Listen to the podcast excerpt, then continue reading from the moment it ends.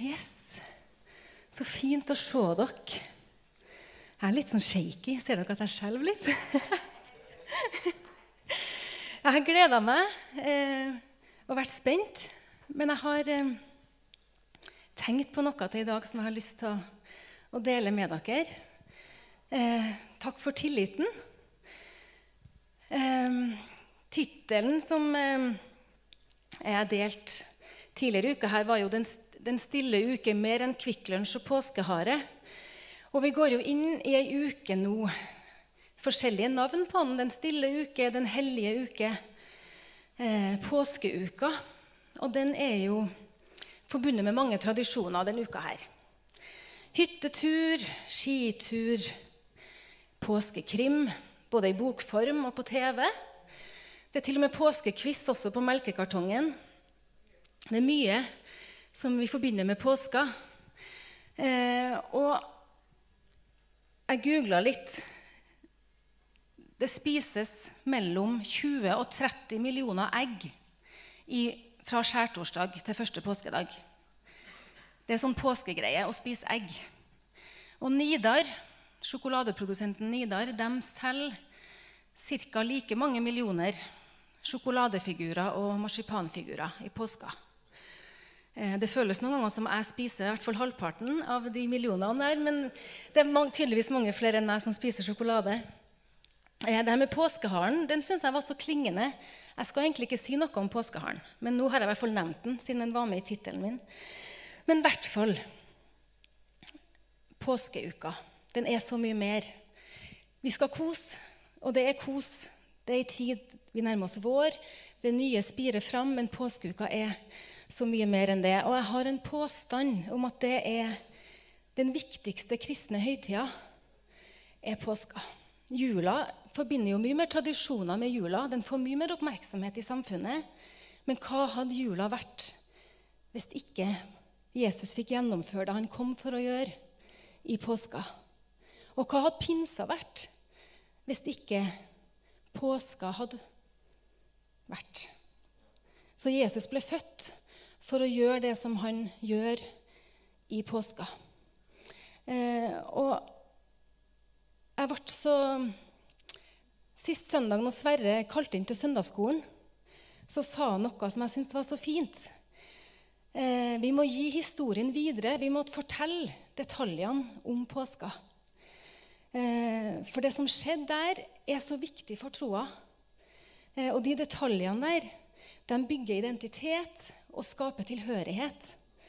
Eh, og For meg så gir det veldig næring til troa mi. Eh, og jeg syns det er fint å se på min personlige tro i en større sammenheng, en historisk sammenheng og i en kontekst, for det gjør troa mer levende. og påska forteller om at Jesus ga livet sitt. For oss og han demonstrerte at døden ikke var sterk nok. Og det han gjorde, det gjorde han i kjærlighet til oss. Og det som skjedde, det forandra verden, og det forandrer verden fortsatt en dag i dag. Eh, det gir håp. Håp om nytt liv. Og Det er jo også en av grunnene til at mange av de påskesymbolene, egget f.eks., er jo et symbol på nytt liv, skapelse. Det kommer noe nytt. Eh, og Jesus kom med noe nytt. Og hans død og oppstandelse gjennom det får også vi del i det her nye.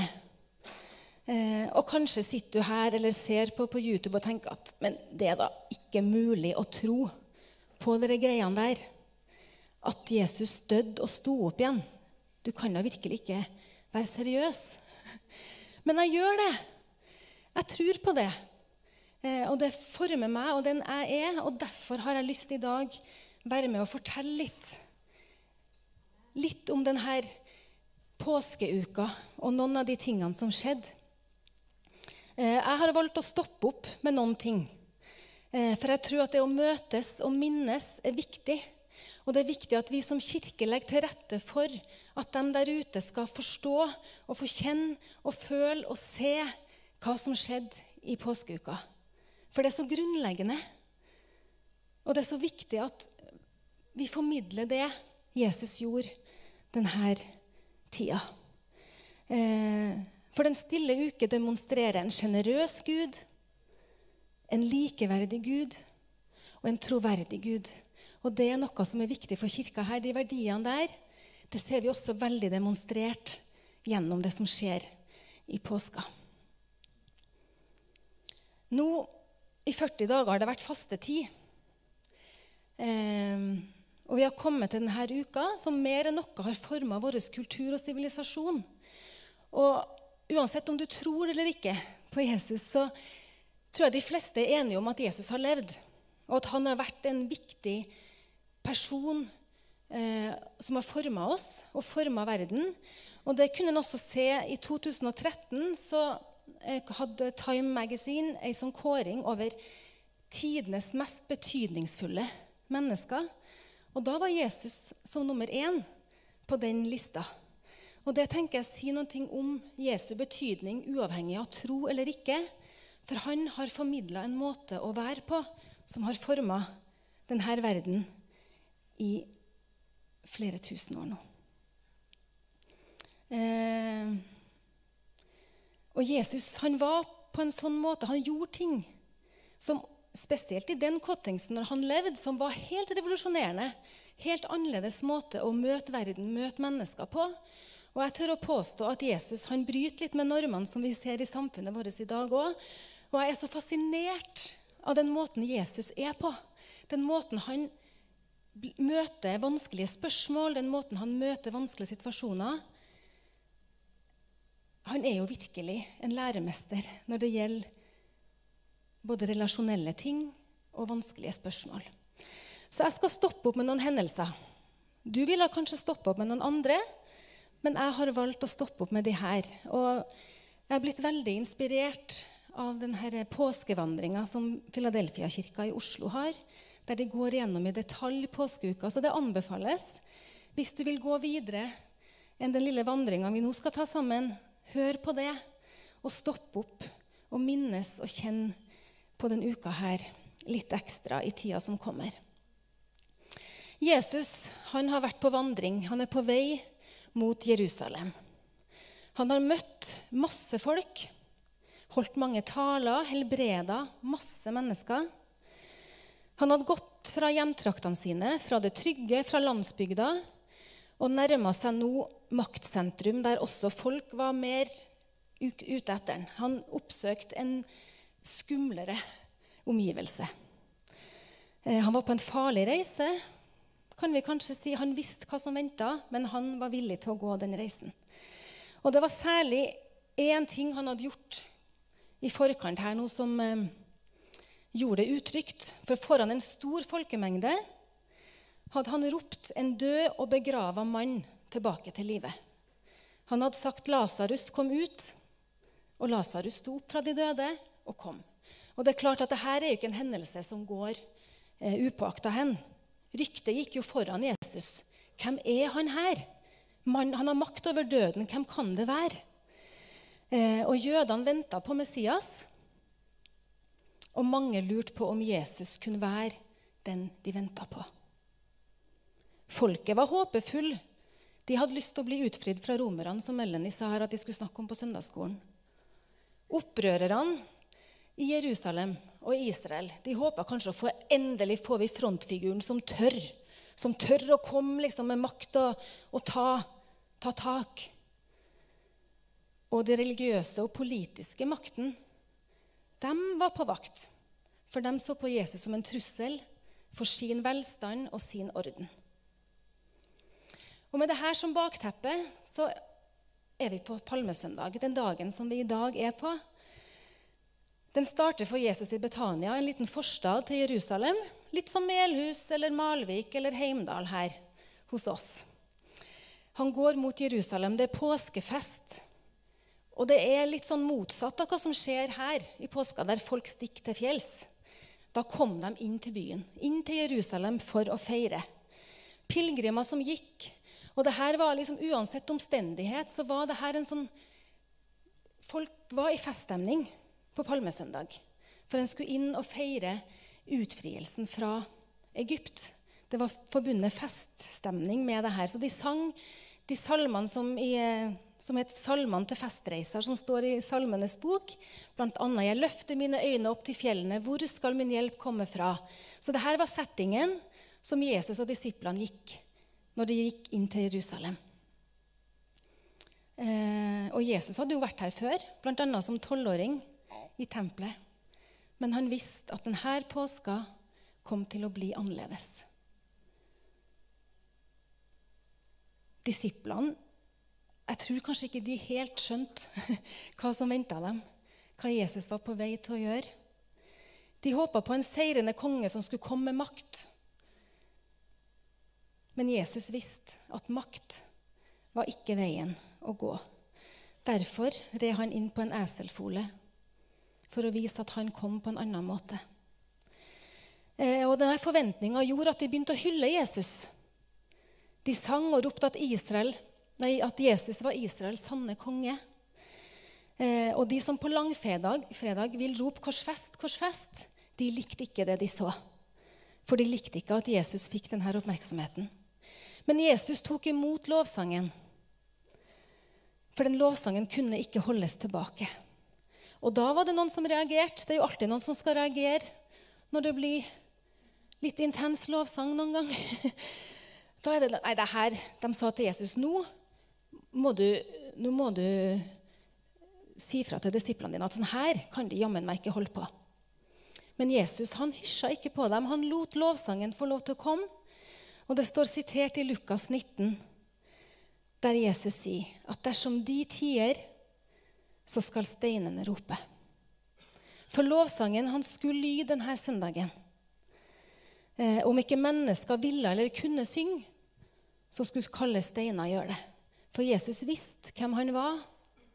Og sånn er det at lovsang og tilbedelse er en naturlig konsekvens av å se Jesus og for, se og forstå hvem Gud er.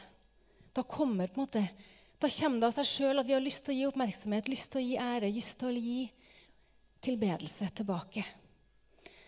Og jeg håper at vi alle kan gjenkjenne Gud, selv om han noen ganger kommer på en annen måte enn det vi kanskje forventer. Og det å våge å gi en tilbedelse på din måte For tilbedelse er så mye mer enn det vi har fått lov til å være sammen om her. Det er helt fantastisk å møtes på søndag og tilbe. Men tilbedelse er så mye mer. Du i din hverdag tilber ved å være det som Gud har skapt deg til å være. Gjør det som Gud har kalt deg til å gjøre. Da kan du peke på Jesus og tilbe og la andre bli nysgjerrig på hvem er den Herre Jesus som du lever for. Hvem er den Herre Jesus som du peker på i ditt liv? Eh, og jeg husker at når jeg var lita jente og bodde i Bodø, så hadde, sånn, hadde vi en sånn plakat det var bilder av noen steiner på, og så det, sto det det verset her. Dersom de tier, så skal steinene rope. Og Jeg husker at det verset gjorde veldig inntrykk på meg, for jeg, jeg hadde ikke noe lyst til at steiner skulle begynne å rope i stedet for meg. Jeg hadde lyst til at jeg skulle få lov til å være en person som kunne peke på, på Jesus og gjøre andre nysgjerrig. Og det håper jeg fortsatt, og det vet jeg at mange her òg har lyst til å være. Å være midt i det som Gud har. Og ikke undervurdere ditt liv, din hverdag. Du kan være et levende vitne på den Herre Jesus som red inn på palmesøndag. Og så leser vi videre i evangeliene. Det er jo utrolig artig å lese. De skildrer det litt forskjellig, men etter at Jesus hadde ridd inn i Jerusalem, så kan vi lese at Jesus er i kamphumør. Han har sett åssen pilegrimene som kommer for å ære sin Gud, åssen de blir utnytta og han, Vi ser også at han på veien inn til Jerusalem senere her, så ser han et fikentre som ikke bærer frukt. Og han forbanner det, og det visner. Så vi ser at Jesus han, han, er, han er, gira. og så kommer han inn på, på tempelplassen. Og her det her syns jeg var litt eh, Jeg har jo visst det, men jeg har liksom ikke tenkt over det. Eh, det religiøse lederskapet i Jerusalem hadde ordna det sånn at de kun aksepterte én bestemt myntenhet når de skulle få lov til å kjøpe seg inn for å gi ære til Gud på tempelet her. Og det var elendig kurs, så de fattige de måtte faktisk ruinere seg sjøl nesten. Sånn at de her rike eliten i Jerusalem skulle på en måte få det de ville ha. Og skulle, De skulle helst ofre et lam, men du kunne også ofre to duer, leste jeg et sted. Eh, men de her måtte også kjøpes fra en helt spesiell bod. Du kunne ikke, kjøpe, du kunne ikke ha medbrakt duer. må vite. Nei, du måtte kjøpe der. Og det var visstnok 100 ganger markedspris for å kjøpe dette her. Og det her gjorde Jesus sint. Eh, og er det noe som ligger på Guds hjerte, så er det det her med urettferdighet. Eh, å, når folk blir utnytta, og særlig når vi bruker hans navn for å utnytte. Og det er jo her vi har denne berømte historien, som er jo berømt, men som kanskje får litt, litt lite oppmerksomhet òg. For Jesus sier at 'mitt hus skal være et bønnens hus', og dere har gjort den til en røverhule. Jeg tror jeg har et bilde på det òg her, der Jesus er Han viser hvor skapet skal stå. Eh, og det er jo det her som er en viktig hendelse i forhold til at Jesus senere blir tatt. Han legger seg ut med den ypperste eliten i Jerusalem og gjør dem sikkert sikkert irritert. For det her, de vil ha penger, og de har lyst til å kunne fortsette sånn som de har gjort. Eh, men når Jesus har fått tømt tempelplassen, så kommer de fattige, de syke, og da får han helbreda dem. Han får gjort det som han er kommet for å gjøre. Og vi ser Utover uka her så møter han de her religiøse, intellektuelle, eliten, som prøver å sette ham fast, prøver å låse den for å få en unnskyldning til å ta den. Men han svarer klokt, og han klarer ikke å gi dem noe å anklage den for. Eh, og vi ser at etter hvert så går Judas til de religiøse lederne. Det beskrives veldig fint i evangeliene hva det er som gjør at Lukas går dit. Det kan vi ha sikkert ha hatt en egen preken om, men han gjør nå i hvert fall det. Eh, og da fikk de en gyllen mulighet til å ta Jesus. Når en av hans nærmeste sier at 'jeg kan avsløre hvor han er hen', 'jeg kan vise dere', der kan dere komme og ta han. Eh, og han vil avsløre Jesus for 30 sølvpenger. Det var prisen for en slave. Eh, og det her er i kontrast til en annen historie som også foregår, eller som skjedde i de her dagene her, der Maria vasker og salve Jesus med denne dyre salva. Den sjenerøsiteten hun gir, den tilbedelsen hun gir, som disiplene ble Det går da ikke an å slø sånn. Enn å bruke den der salva der som visstnok var verdt en årslønn den ville hun salve Jesus med, vise han oppmerksomhet. Eh, og Disiplene sier men Jesus, du må da, kan ikke tillate dette her. Men så står det i Johannes 12.: La henne være. Hun har gjemt salven til den dag jeg skal begraves. De fattige har dere alltid hos dere, men meg har dere ikke alltid. Og Det kan se ut som at Maria her, hun skjønte noe som disiplene ikke hadde skjønt. Hun hadde skjønt at Jesus skulle dø og måtte dø. Og Jeg tror Maria var en sånn type som sendte blomster til en person før den døde, i stedet for å skyldbetynga sende en krans i begravelsen. Hun gjemte ikke det beste til slutt. Hun så at anledninga, den var nå. Jesus trengte å bli salva da. Hun var til stede. Og det òg syns jeg var en sånn Når jeg leste her og tenkte på det, så Ikke vent med å gi alt du har, til du tenker at livet er på plass. Til du tenker at jeg må være litt mer ren, jeg må være litt mer eh, kristen, jeg må være litt mer Du kan gi det du har, akkurat nå. For Jesus vil ha oss akkurat sånn som vi er. Eh, og På samme måte er vi også kalt til å være til stede for hverandre. Det å se andre, trøste andre. Så den, Det som Maria gjorde her med å være sjenerøs, hun tilba, hun brukte denne salva. Vi òg kan få lov til å gjøre det for hverandre.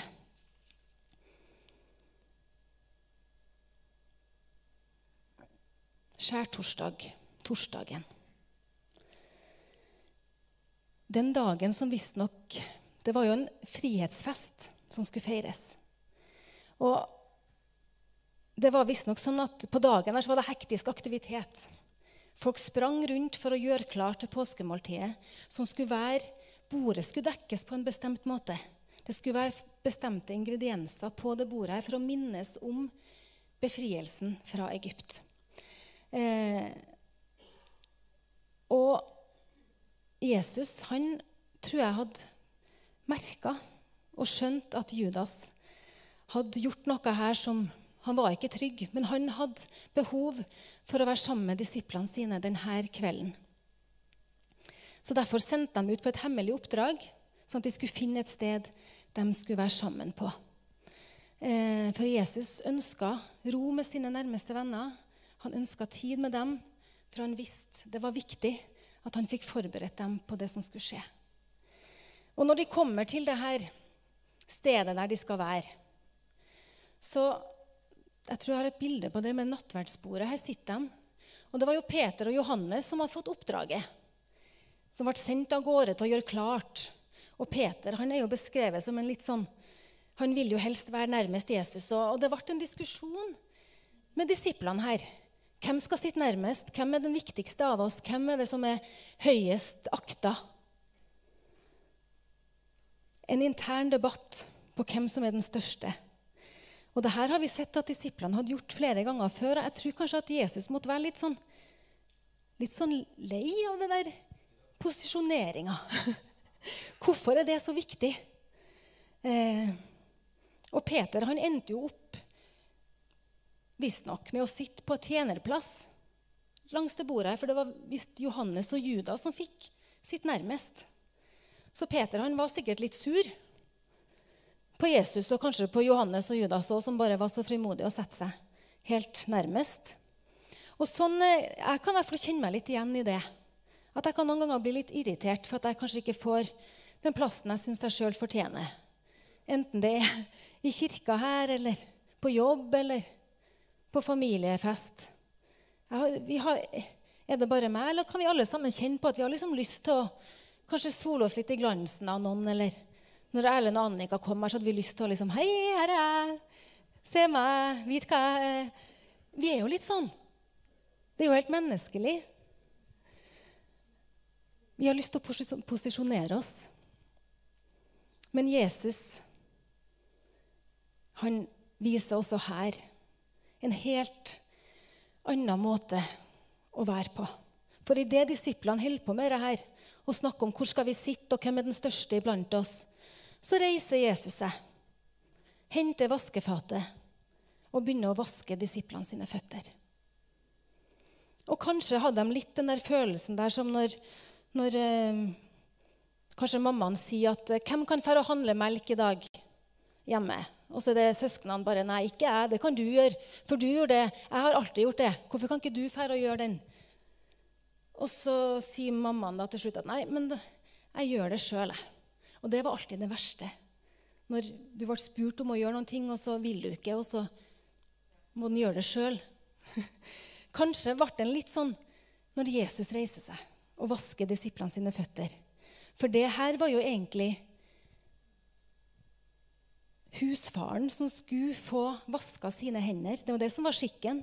For et bevis på at han ikke var slave, men fri. Så går Jesus helt Han gjør det helt omvendt.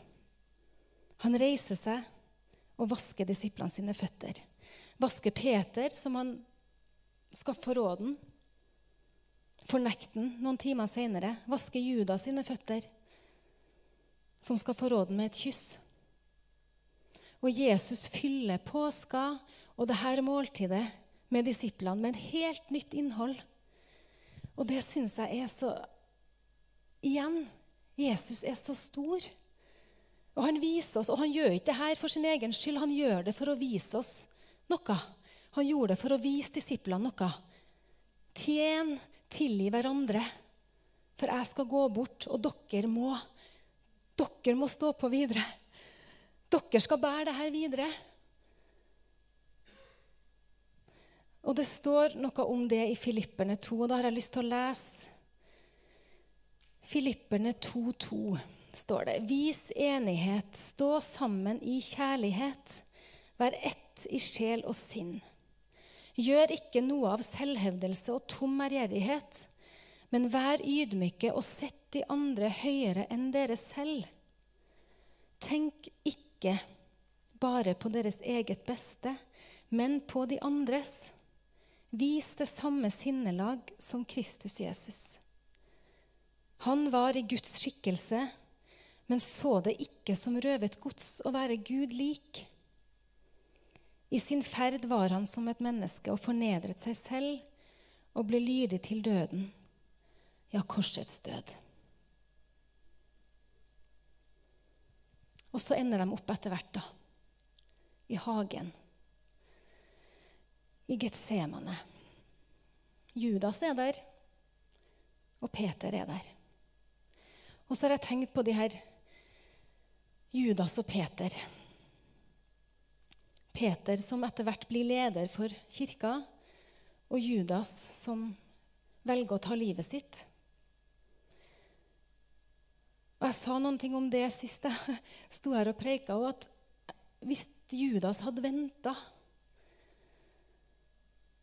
og hadde fått en mulighet til å møte Jesus på første påskedag, så tror jeg at han hadde fått kjent på den tilgivelsen som Peter fikk kjenne på. Jesus vil tilgi, og Jesus vil reise oss opp igjen, uansett hva vi har gjort. Og det er så stort å se at selv her når Jesus var i den kampen som han var i, så tenkte han på andre. Han tenkte på disiplene sine. Han tenkte på å styrke dem, sånn at de kunne få den kraften de trengte til å fortsette det som venta dem. For det står det at alle forlot han. Jesus ble forlatt han var her i Getsemane. Og på korset så roper han også ut, 'Min Gud, min Gud, hvorfor har du forlatt meg?' For den veien Jesus skulle gå nå, den måtte han gå alene. Og det å bli forlatt er det vondeste et menneske kan oppleve, tror jeg. Og Jesus har opplevd det for å kunne møte oss når vi er der. Han har opplevd alt. For Jesus var menneske fullt og helt også. Så når Jesus da var her, han kjemper sin største kamp, og det står i Matteus 26 Min sjel er tynga til døden av sorg. Og det står at Jesus han svetta blod. Og det måtte jeg google her, for jeg Svetteblod, hva skjer? Kan det, skjer det, eller er det bare og det kan skje når man er i en ekstrem følelsesmessig krevende situasjon. Kroppen er så på randen at blodåra sprekker og havner i svettekjertlene, og de kommer ut som blodsvette. Og Det sier noe om at Jesus han, han var i en kamp. Det kosta. Jesus var Gud, men valgte å forbli menneske. Og den egentlige kampen står i Getsemane. Det er her Jesus forstår at nå er det ingen vei tilbake. Han lar Gud ha regien. Og han som har vekka opp døde, han som har stilla stormen, han kunne ha brukt sin guddommelige autoritet. Men han valgte å gjennomføre det han var kommet for å gjøre. Og Jesus overgir seg til det han visste måtte komme, og det han visste at han måtte gjøre.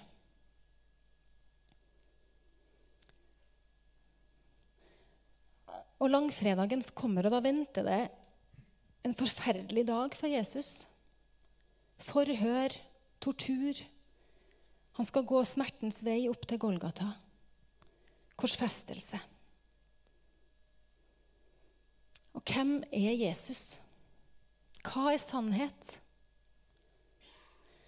Og jeg kjenner i hvert fall at når jeg har, Hver gang jeg måtte fordype meg og sette, bruke tid på påskeevangeliet, så blir vi, vi blir stilt på valg. Tror jeg på det her? Er Jesus Guds sønn? Og hvis han er det, hva gjør det med meg? Åssen påvirker det meg, min hverdag, og mitt liv? Og dette er et spørsmål som vi alle må ta stilling til og svare på. Hvem er Jesus? Hva betyr han for meg? Hvilken innflytelse skal han ha på mitt liv? Um, og I stedet for å si noe mer nå, så har jeg faktisk lyst til å synge en sang som jeg syns formidler noe av denne stemninga og denne um, alvoret som er litt i de dagene her, skjærtorsdag, langfredag. Og jeg håper at du i de dagene som kommer, kan finne tid til å tenke på det Jesus gjorde i påska og se at du har en plass i denne store fortellinga. At du har en plass i denne historien. For Jesus han gjorde det faktisk for deg og meg. Og han gjorde det for at vi skulle få lov til å bringe videre og leve i det som han har kalt oss til. Og fortelle denne historien til dem som ennå ikke har hørt den. Gi påskeevangeliet videre og vi som kirke òg, skap de rommene der folk kan få lov til å sitte og minnes og undres og lure på hva betyr det her for meg?